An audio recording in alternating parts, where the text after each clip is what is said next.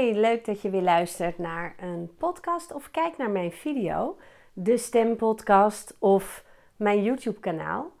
En ik hoor een beetje een kraakje in mijn stem. Dat komt omdat ik even niks gezegd heb. En dan kan het zijn dat je wat slijm bij je stembanden hebt zitten. Het is namelijk zo dat ehm, als je voelt hoe je mond is van binnen, dan zit daar slijmvlies. En dat is ook zo in je keel en bij je stembanden. Dus je stembanden bestaan ook uit slijm, slijmvlies. Nou, stel nou dat je veel gepraat hebt, of dat je luid gepraat hebt, of dat je ehm, op een feestje bent geweest waar je te hard over de muziek heen hebt geschreeuwd, dan heb je je stembanden daarmee een beetje geforceerd of uitgedroogd. En dan moet er weer opnieuw slijm gevormd worden uh, om het slijmvlies te doen herstellen. Dus dan kan het zijn dat jij denkt: hé, hey, ik heb ontzettend last van slijm. Waar komt dat vandaan? Heb ik last van mijn longen? En dan is het niet dat er iets met je longen is, maar dan is het het herstellen van een oppervlakte van je slijmvliezen en alle spieren en weefsel eromheen. Je stembanden zijn twee kleine spiertjes, heb je me misschien wel eens vaker horen vertellen. En wat ik altijd belangrijk vind om daarover te zeggen, is dat je ze mag behandelen alsof het dus twee hele kleine spiertjes zijn. Dus 16 tot 22 mm. Bij mannen is het, zijn ze langer dan bij vrouwen. En wat ik merk is dat er veel mensen zijn die dan zeggen: Ja, ik heb lang gepraat. Of uh, met online werken. Dan gaan we ook altijd een beetje de afstand overbruggen. En harder schreeuwen. En aan de telefoon is dat ook zo. En uh, daarom heb ik last van mijn stem. Of je hebt op een feestje ben je geweest, je hebt wat hard geschreeuwd en je hebt de dag daarna een beetje last. En nemen we dan rust? Nee, toch? Nee. En dat vergelijk ik heel graag met hardlopen. En op het moment dat jij de marathon hebt gelopen, of 10 kilometer, en dan later op de dag nog een keer 3 kilometer, dan voel je dat in je benen. En ga jij dan de dag daarna weer de marathon rennen?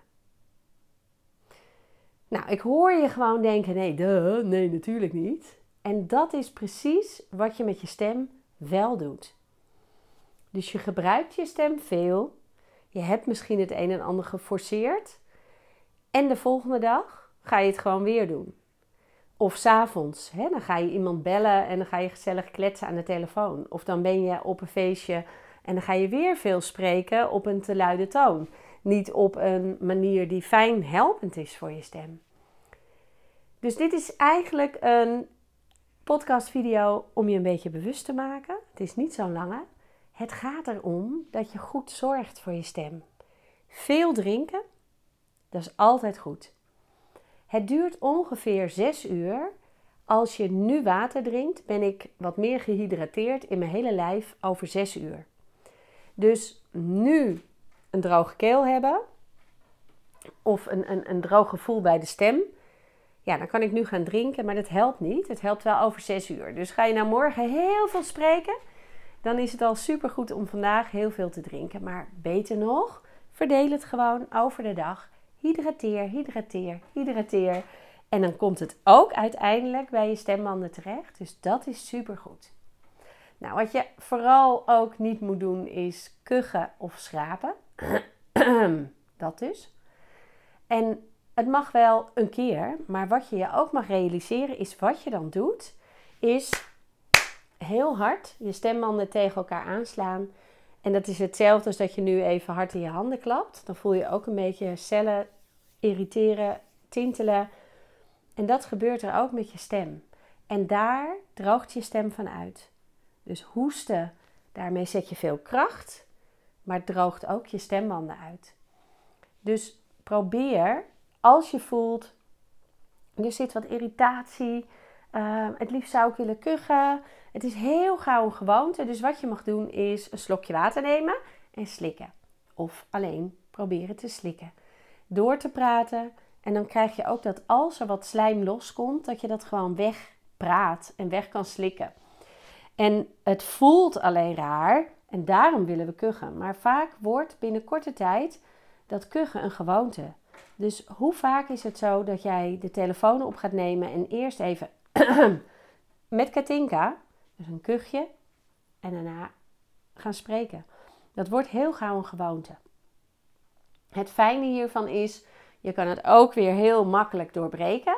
Dus op het moment dat je nu tegen jezelf zegt: Oh ja, ik mag niet kuchen, ik neem een slokje water. En je bent daar echt goed oplettend bij. Hè, dan zal het eerst zo zijn dat je gaat kuchen en denkt: Oh nee, dat moest ik niet doen. Vervolgens ga je bijna kuchen en dan denk je eraan: Oh nee, ik moet het inhouden. En daarna is het stapje dat je niet meer gaat kuchen, maar voordat je zou gaan kuchen al denkt: Ik moet een slokje water nemen of even slikken.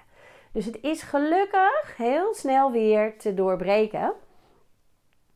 Dus niet kuchen, genoeg water drinken en af en toe een beetje stemrust nemen en voorzichtig zijn met die tere stemplootjes, met die tere, tere spiertjes die daar zitten. En dan blijft ze het ook langer doen. Nou, leuk dat je weer luisterde natuurlijk. En uh, tot de volgende keer.